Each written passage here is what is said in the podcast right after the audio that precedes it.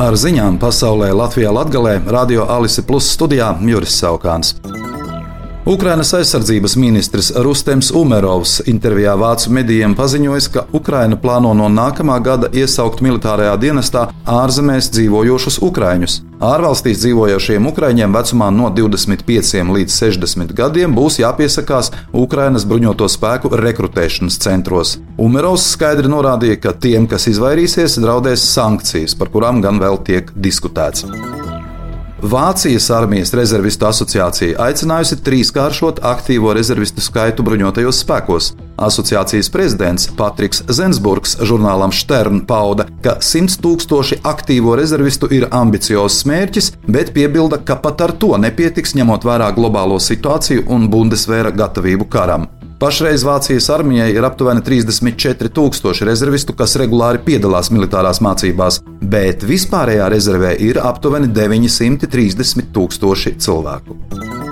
Vērtējot savu ministru kabineta darba sākumu, ministru prezidente Evika Siliņa no jaunās vienotības paudusi, ka jaunajai valdībai pirmajās simts dienās ir izdevies paveikt gandrīz visus neatliekamos darbus, un tagad jāvienojas par galvenajiem uzdevumiem arī nākamajam gadam. Valdību veidojošie partneri, parakstot atsevišķu memorandu, bija vienojušies par atbalsta mehānismu ieviešanu elektrības sadales tarifa daļas kompensēšanai, hipotekāro pārkreditēšanas procesu vienkāršošanu, banku peļņas nodokļa ieviešanu, Stambulas konvencijas ratificēšanu, pāru kopdzīves regulējuma nostiprināšanu un ilgtspējīga izglītības finansēšanas modeļa izstrādi. Pašlaik darbs rit pie jaunā, ilgspējīga izglītības finansēšanas modeļa izveides. Izglītības un zinātnes ministrija konceptuāli sagatavojusi jaunu pedagoģu darba samaksas finansēšanas modeli programmu skolā un saskaņo to ar sociālajiem un sadarbības partneriem.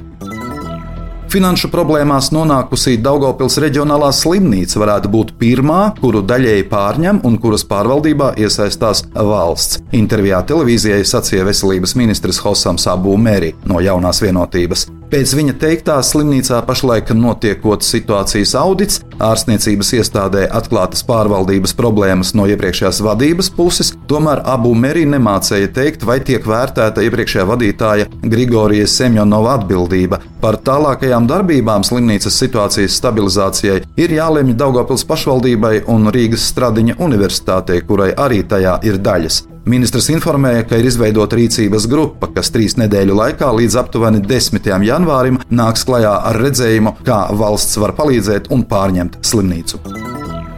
Akcijas Ziemassvētku brīnums laikā 85 Daugopils bērni saņēma labdarības organizācijas uzticības fonds sarūpētās dāvanas, rotaļlietas, ragaviņas, slīdas, skrituļslīdas, grāmatas un daudz ko citu, arī saldumus. Kā pastāstīja uzticības fonda vadītāja Daugopils valsts pilsētas domas deputāte Viktorija Sporāne Hudojana, kopā ar Daugopils pilsētas izglītības pārvaldes darbiniekiem tika izvēlēti 85 bērni, kuru ģimenes šajā gadā bija piemeklējusi kāda nelaime, nomiris vai smagi saslimis kāds no vecākiem, mājās bijis ugunsgrēks vai kādi citi traģiski apstākļi. Ļoti mīļas vēstules ar sirsnīgiem lūgumiem bērni bija uzrakstījuši salatētim, un es esmu ļoti laimīga, ka mēs spējām tos īstenot, teica Viktorijas Porāne Hudojana.